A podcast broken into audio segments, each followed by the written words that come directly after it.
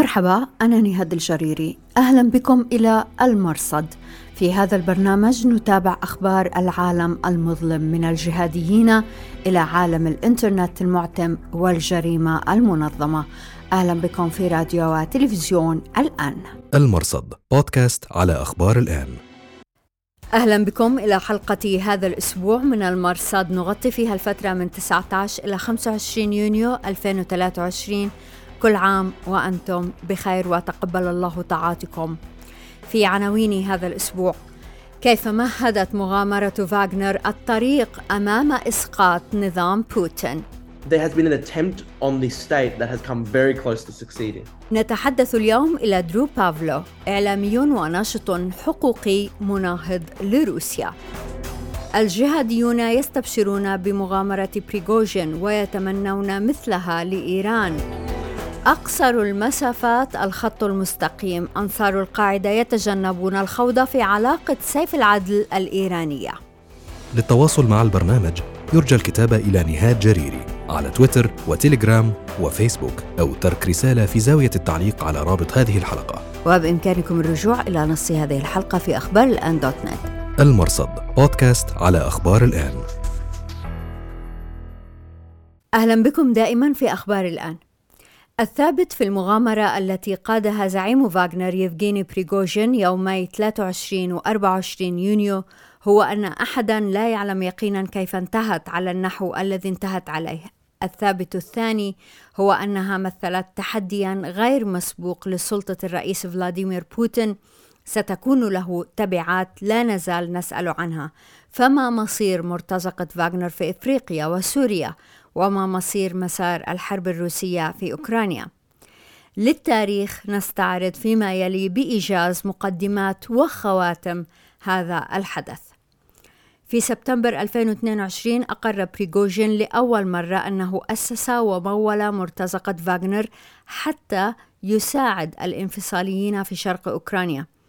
في فبراير 2023 ومع اقتراب السنوية الأولى لغزو أوكرانيا تنامت الملاسنات بينه وكبار العسكريين في موسكو.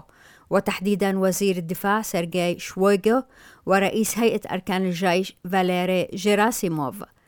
بريغوجين اتهم قادة الجيش بالتخبط في الحرب على أوكرانيا والتسبب في قتل رجاله الذين كانوا على أعتاب بخموت شرقا. في مايو الماضي سيطرت قوات فاغنر على باخموت ومعها اختمر صراع بريغوجين مع العسكر الروس فاتهم الجيش النظامي بمنع الذخيرة عن رجاله وهدد بالانسحاب من المدينة. في 10 يونيو أصدر شويغو أمرا يلزم فاغنر بعقود نظامية مع الجيش بحلول 1 يوليو. بريغوجين رفض أن يكون تابعا لقيادة الجيش وهدد بالانسحاب من أوكرانيا. بوتين أيد قرار الدفاع. يوم الجمعة 23 يونيو تعهد بريغوجين بأن ينتقم لجنوده الذين دمرهم الجيش الروسي وأن يعالج الفوضى التي تجتاح موسكو في إشارة إلى اتهامه الجيش بالكذب على بوتين وإخفاء حقيقة خسائرهم في أوكرانيا. وهكذا غادرت قوات فاغنر أوكرانيا فجر السبت 24 يونيو وعبرت الحدود الروسية حيث سيطرت على مدينة روستوف جنوبا. بريغوجين نفسه ظهر في فيديو أمام مبنى لوزارة الدفاع متحديا شويغو. قبل ظهر ذلك اليوم خاطب بوتين الأمة ووصف بريغوجين بأنه خائن. بريغوجين رد بأن بوتين أخطأ في توصيفه وقال إنه مستعد لأن يذهب إلى آخر الطريق لمعاقبة العسكر المتنفذين في موسكو. لكن مع حلول مساء ذلك اليوم السبت 24 يونيو أعلن بريغوجين انسحاب قواته من على مشارف موسكو تجنبا لسفك الدماء. بموجب وساطة قام بها رئيس بيلاروسيا ألكسندر لوكاشينكا. في الساعات اللاحقة أعلن الكرملين العفو عن بريغوجين ورجاله وأن بريغوجين سيعيش في بيلاروسيا من الآن فصاعدا. المرصد بودكاست على أخبار الآن. الباحثون والعارفون والمراقبون اختلفوا في توصيف أحداث السبت 24 يونيو هل هو انقلاب أم مسرحية؟ الصحفية والأكاديمية الأمريكية من أصل روسي فيرا ميرونوفا وصفت ما حدث بأنه انقلاب زائف ورأت أنه انتهى بأن أحكم بوتين قبضته على البلد حتى أن هذا اليوم أصبح يوم وحدة وطنية في روسيا ورأت أيضا أن بوتين تمكن من تحديد من معه ومن ضده. على النقيض من ذلك علقت الباحثة في معهد هاتسون الأمريكي زينب ربوعة وقالت بغض النظر عن الصفقات وإبرام اتفاقيات سلام ما حدث هو إذلال تام لبوتين الذي خسر مصداقيته وشرعيته. ونتحدث بعد قليل مع درو بافلو من بريسبن في أستراليا. آه، درو هو إعلامي وناشط حقوقي مناهض لروسيا. نتحدث معه عن جوانب الجدل هذه كلها. فابقوا معنا لطفا. المرصد بودكاست على أخبار الآن. في ردود الفعل تتوجه الأنظار إلى سوريا تحديدا التي لا يزال الطيران الروسي يشن غارات بشعة ضد المدنيين في المناطق الخارجة عن سلطة النظام في دمشق. أقصى هذه الغارات استهدفت يوم الأحد سوقا للخضار في جسر الشغور جنوب غرب إدلب ما تسبب في قتل تسعة على الأقل وجرح أكثر من ستين من بين الضحايا أطفال. وعليه كان طبيعيا أن يتفق معارضو النظام على ابتهاجهم بأحداث روسيا. حساب مزمجر الثورة السورية المعارض أيضا لهيئة تحرير الشام التي تحكم في إدلب وما حولها وصف ما جرى بأنه عدل واستبشر بتكرار المعارك في إيران وكل حلفائها. حساب أبو يحيى الشامي المعارض أيضا علق متندرا في القصص يحكى أن بوتين وجد فانوسا ففركه فخرج له يفغيني بريغوجين فبدلا من تحقيق أمنياته تمرد عليه. هاشتاغ فاغنر هاشتاغ مارد. أما عبد الرحيم عطون القيادي في الهيئة فدعا على الروس موالين ومعارضين وقال اللهم واجعل دائرة السوء عليهم. أبو مريا القحطاني آه، في بداية الأزمة أعاد نشر كلام قاله في فبراير الماضي وفيه أن نهاية بوتين ستكون إما بالقتل بانقلاب عسكري أو ينتحر أو باغتيال أو سم. لكن بوتين لم يقتل أو ينتحر وأبو مريا لم يعلق بعد ذلك. في مجموعات أنصار القاعدة قال أحدهم هو نذير خير وبشارة على المجاهدين في الشام ومالي ممن يتقاتلون مع الروس والفرس المجوس. المرصد بودكاست على أخبار الآن تناقلت مجموعات أنصار القاعدة مقالا طويلا بعنوان هل يؤدي دعاة فك الارتباط خراج رؤوسهم؟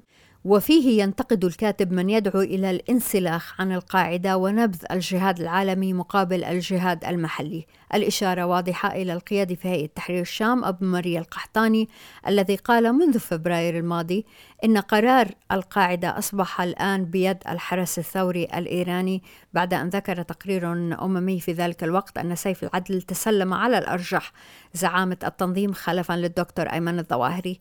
يرفض الكاتب فكرة التخادم بين القاعدة وإيران من خلال رابط سيف العدل ونقول إنه من نافلة القول أن تحييد القاعدة للمصالح الإيرانية والأراضي الإيرانية حقيقة معروفة منذ أيام أبو مصعب الزرقاوي في العراق وكشف عنها أكثر من جهادي ناهيك عن وثائق أبوت أبد. وعليه هذه المنشورات التي يتداولها أنصار القاعدة هل تعني أنهم يقبلون سيف العدل خلفا للظواهر؟ هل وجوده في إيران طوال 22 عاما لا يعني لهم شيئا؟ هل سيقود سيف العدل القاعدة من طهران؟ أم أنه خرج من هناك استعدادا لتسلم الزعامة؟ وإذا كان قادرا على مغادرة إيران فلماذا لم يغادرها حتى الآن؟ إذا كان أنصار القاعدة غير قادرين أو راغبين في الإجابة عن هذه الأسئلة وإن لم تكن مسألة إدارة سيف العدل التنظيم من إيران تؤرقهم فهم ليسوا أفضل من داعش الذين يبايعون مجهول الاسم والرسم أو هيئة تحرير الشام الذين يقولون معارضوها إن زعيمها مجهول النسب. سيف العدل معروف رسما واسما ونسبا ولكنه مجهول الهوية. المرصد بودكاست على أخبار الآن. نشر حساب قناة فضح عباد البغدادي والهاشمي المتخصص في كشف خفايا داعش أن ثمة خلافات داخل ولاية الشام. الأمر الذي يظهر في عدم تبني التنظيم بعض العمليات هناك بحيث أصبح إعلام الولاية منبوذا من المقاتلين على الأرض. يشرح الحساب أن ديوان الإعلام يصر على تبني كل العمليات بينما يحاول الأمراء العسكريون التكتم على الأخبار وعدم نشرها لأسباب يعتبرها الديوان غير مبررة وغير معقولة. فينشر الحساب رسالة موجهة من الإعلام العام للشام إلى الوالي يشكو فيها من التكتيم الإعلامي ونسب بعض الهجمات إلى مجهولين. والأمر ذاته في رسالة أخرى بتاريخ 22 نوفمبر 2020 وجهها أمير مفصل الإعلام لولاية الشام السابق صقر أبو تيم إلى نائب والي الشام الزبير الشامي. وفي المحصلة يرفض المقاتلون على الأرض تبني الهجمات تجنبا لتكثيف الحملات العسكرية ضدهم.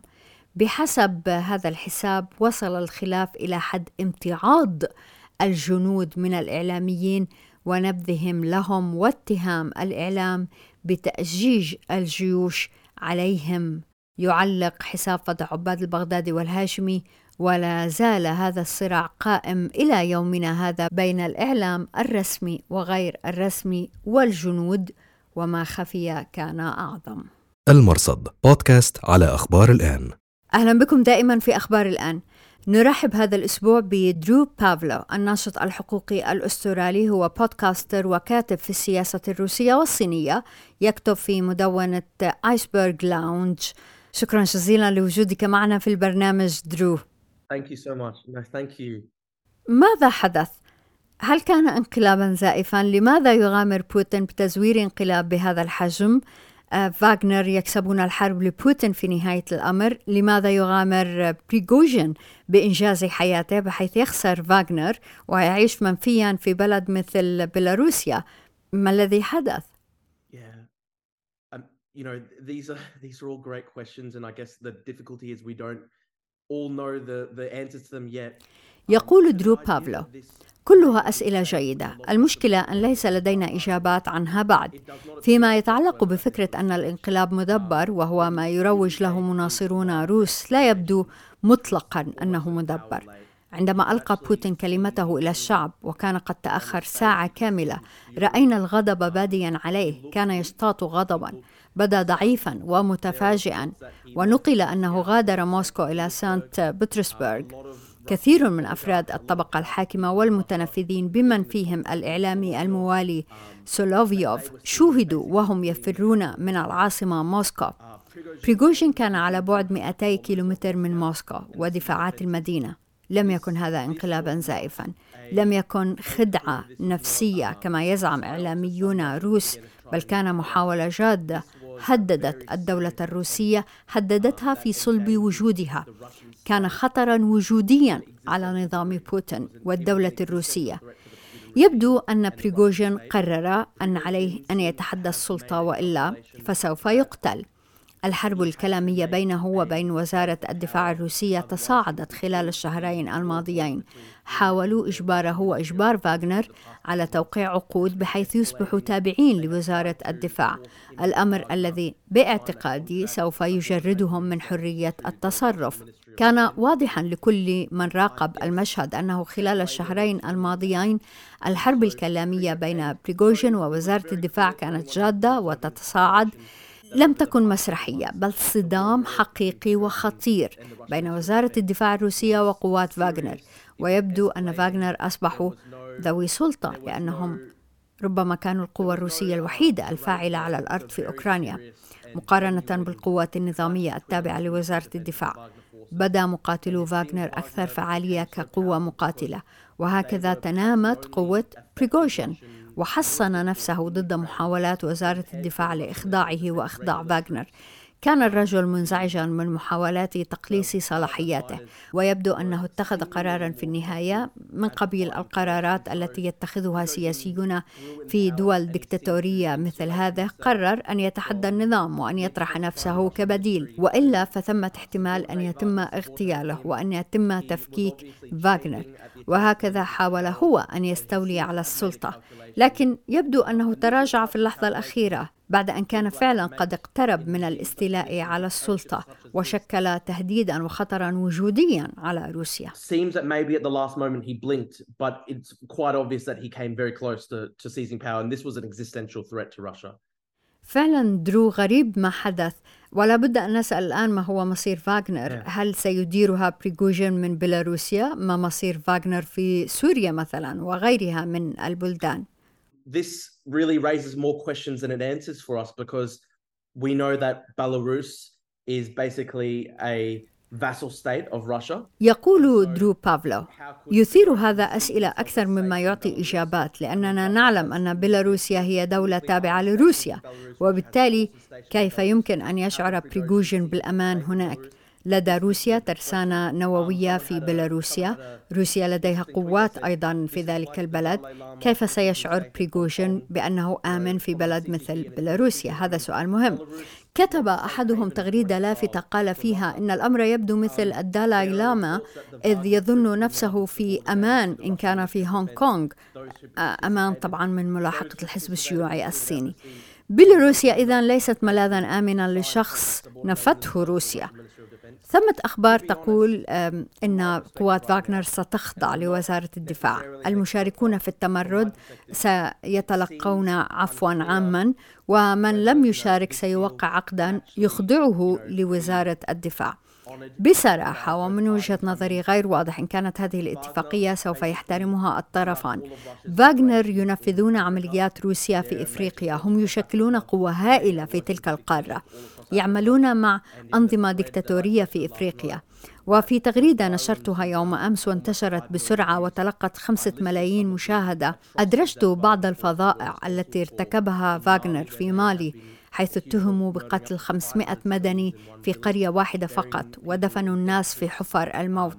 ارتكبوا مذابح في جمهورية إفريقيا الوسطى وهم طبعا ينشطون في ليبيا وينشطون في مناطق آه، مختلفة. لديهم قوانينهم الخاصة يتساءل المرء ما إذا كانت قوات فاغنر في إفريقيا وتلك في سوريا هل ستخضع هذه القوات لسلطة الكرملين؟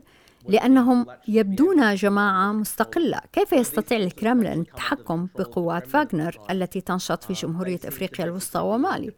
فاغنر لديهم عقود مغرية مع الأنظمة هناك وينشطون في تجارة التعدين مثلا من مناطق الصراع يرتبطون بالفساد في القارة كلها وهي أمور موثقة. قد يحتفظ بريغوجين بنفوذ في الكرملين بحيث يظل مشرفا على فاغنر في إفريقيا. ويبدو أن في قوات فاغنر عدد كبير من العناصر يدينون بالولاء للرجل وشاركوا في الزحف على العاصمة في حدث منظم ولاء له. ثمة أخبار تقول إن بريغوجين كان يكدس الذخيرة منذ شهرين.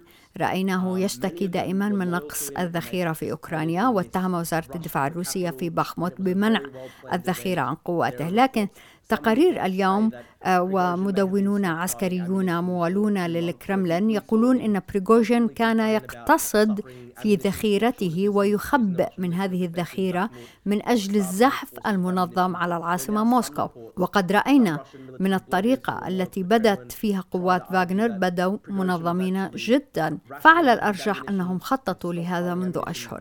مقاتلو فاغنر أظهروا انضباطا وولاء لبريغوجين طوال هذه الأحداث حتى إنهم أسقطوا مروحيات روسية قتلوا حوالي 20 جنديا روسيا.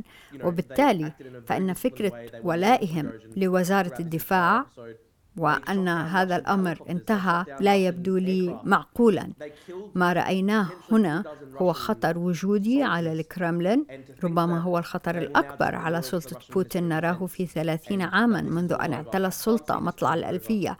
ربما هذا أكبر خطر يتهدد نظام بوتين وحكمه. صعب أن نحسم إذا أن الأمور ستنتهي بهدوء.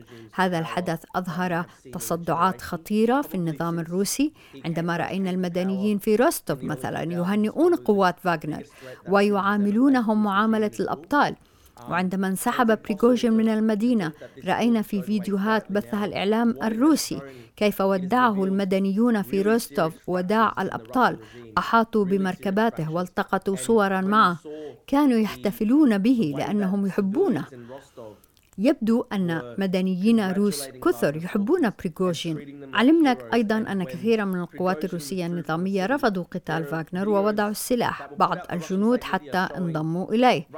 لم ينتهي الأمر. أثبت بريغوجين أن لديه قاعدة شعبية معتبرة في روسيا.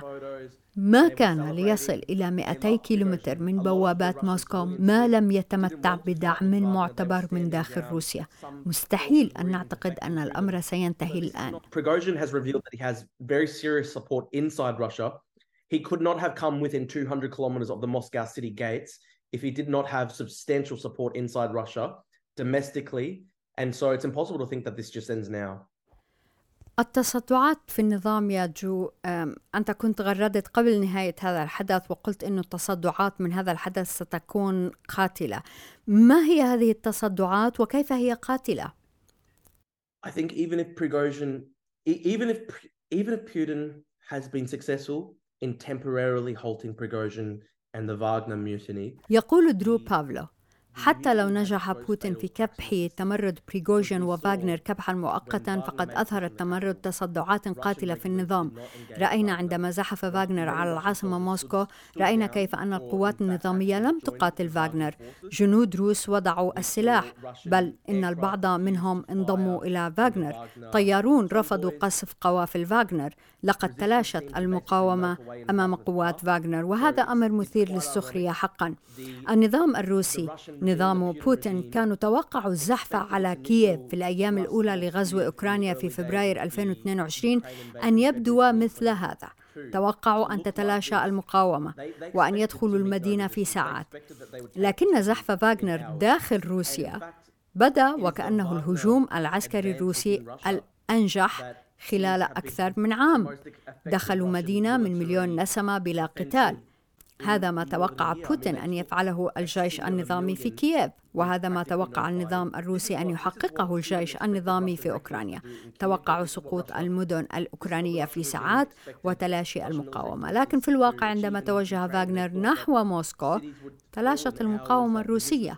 مدن مليونية سقطت أمام فاغنر خلال ساعات. وهذا يكشف خللا قاتلا في الكرملين لنتذكر أنه منذ أسابيع فقط بوتين والإعلام الروسي الموالي أشادوا بفاغنر كسلاح مشاة من الأفضل على وجه الأرض قاطبة. اعتبروه جوهر التاج المجهود الحربي في أوكرانيا. لكن فاغنر أداروا السلاح نحو الجيش النظامي وزحفوا على العاصمة موسكو. والآن تقول ماكينة الإعلام الروسي إن الأمور بخير. وإن العمل الحربي في أوكرانيا متواصل كالمعتاد وبشكل طبيعي. عندنا عقول نفكر بها وأعين نرى بها. نستطيع أن نرى أن هذا غير طبيعي. رأينا كيف بدأ بوتين ضعيفا وخائفا وغاضبا في خطابه المتلفز للأمة. شاهدنا في محطات التلفزيون الروسية يوم أمس كيف انتظر المذيعون تعليمات حول ماذا سيقولون؟ بثوا فواصل إعلانية طويلة بدلا من ذلك. لقد افتقروا إلى وجود قائد يقودهم. بدا وكأن الفوضى عارمة. هذه التصدعات التي كشف عنها تمرد فاغنر وبما أنها الآن ظهرت إلى العلن فسوف لن تختفي. الجميع داخل روسيا شاهد أن محاولة للإطاحة بالدولة كادت أن تنجح وأن الإطاحة بنظام بوتين أمر ممكن. هذا ما يراه الروس اليوم. There has been a, there has been an attempt on the state that has come very close to succeeding. and it's possible it's possible to take down the Putin regime this is what people in Russia are seeing right now في المقابل يدرو يقول البعض إن ما حدث عزز سلطة بوتين لأنه أهون الشرين بوتين أقل دموية من بريغوجين هل هذا المنطق معقول yeah. لك؟ Look, there are some who say that this consolidates Putin's power يقول درو بافلو. يقول البعض فعلا إن هذا يعزز سلطة بوتين لأنهم يرون بوتين أقل جنونا أو تعطشا للدم من بريغوجين ربما هذا ما تعتقده النخبة الحاكمة الأوليغارش مثل أبراموفيتش. الأوليغارش الأغنياء طبعا يفضلون بوتين لأنه هو الذي سمح لهم بتكديس السلطة والنفوذ فهم لا يعرفون بريغوجين ولا يفهمون الرجل. يبدو لهم الرجل متقلب المزاج. قد يبدو بريغوجين خيارا أفضل للنخبة الساعية إلى السلطة داخل موسكو. أما بالنسبة لشخص مثل شويغو وجيراسيموف وقادة الدفاع الذين وعد بريغوجين بإعدامهم فلا شك سيفضلون بوتين على بريغوجين لكن بالنظر إلى احتفال المدنيين الروس بفاغنر وكأنهم أبطال. كما رأينا في روستوف المدنيون كانوا يهنئون قوات فاغنر إن نظرنا إلى سلوك المدنيين في روستوف مع فاغنر وكيف اختفى الجيش النظامي بدلا من أن يقاوموا فاغنر هذا كله ينبئنا بأن ما حصل ليس تعزيزا لصورة بوتين أو نظامه. بوتين بدا خائفا وثمة أخبار بأنه غادر العاصمة. لا أرى حقيقة كيف يمكن اعتبار هذا نصرا لبوتين. لا أرى كيف يمكن أن يعزز هذا حكم بوتين. الأوليغارش الروس لطالما فضلوا بوتين على بريغوجين هذا ثابت. لكن يبدو أكثر فأكثر أن الجيش النظامي والمدنيين الروس يدعمون بريغوجين أستذكر تغريدة غردها الفيلق الجورجي قال محزن أن الحرب الأهلية الروسية جاءت بسبب جدل حول من أشد فتكا بالأوكرانيين. في المحصلة الجيش النظامي وقوات فاغنر مسؤولون عن فظائع وجرائم حرب. وجرائم ضد الإنسانية. مقاتلون سابقون في فاغنر قالوا إن بريغوجين أمرهم بقتل أطفال ونساء وشيوخ احتموا في ملاجئ باخموت أحدهم شهد بأنه أطلق النار على رأس طفلة أوكرانية عمرها خمسة أعوام. بناء على تعليمات بريغوجين الذي قال لا تتركوا أحياء. إذا سواء بريغوجين أو جيش بوتين النظامي الطرفان فاشيان. مسؤولان عن جرائم ضد الإنسانية. في صفوفهما مجرمو حرب. والمحزن كما قال الفيلق الجورجي الحرب الأهلية في روسيا تأخذ معالمها من معسكرين. يزعم كل منهما أنه وحده القادر على كسب الحرب في أوكرانيا وأنه وحده القادر على قتل المدنيين الأوكرانيين. المحزن هو أن من سينتصر سواء احتفظ بوتين بالسلطة أو انتزع السلطة بريغوجين أو أي قوة أخرى لا يبدو أن روسيا سوف تغير موقفها وسلوكها. لن تنسلخ عن ستالينية لن تنبذ الاستبداد في أي وقت قريب. Um, it, does not look like Russia will be going anywhere, will not will move away from Stalinism, will move away from abject tyranny and repression anytime soon. درو بافلو شكرا جزيلا لوجودك معنا في البرنامج. Thank you, Nihad. وشكرا جزيلا لوجودكم معنا في أخبار الآن. أنا نهاد الجريري مع السلامة. المرصد بودكاست على أخبار الآن.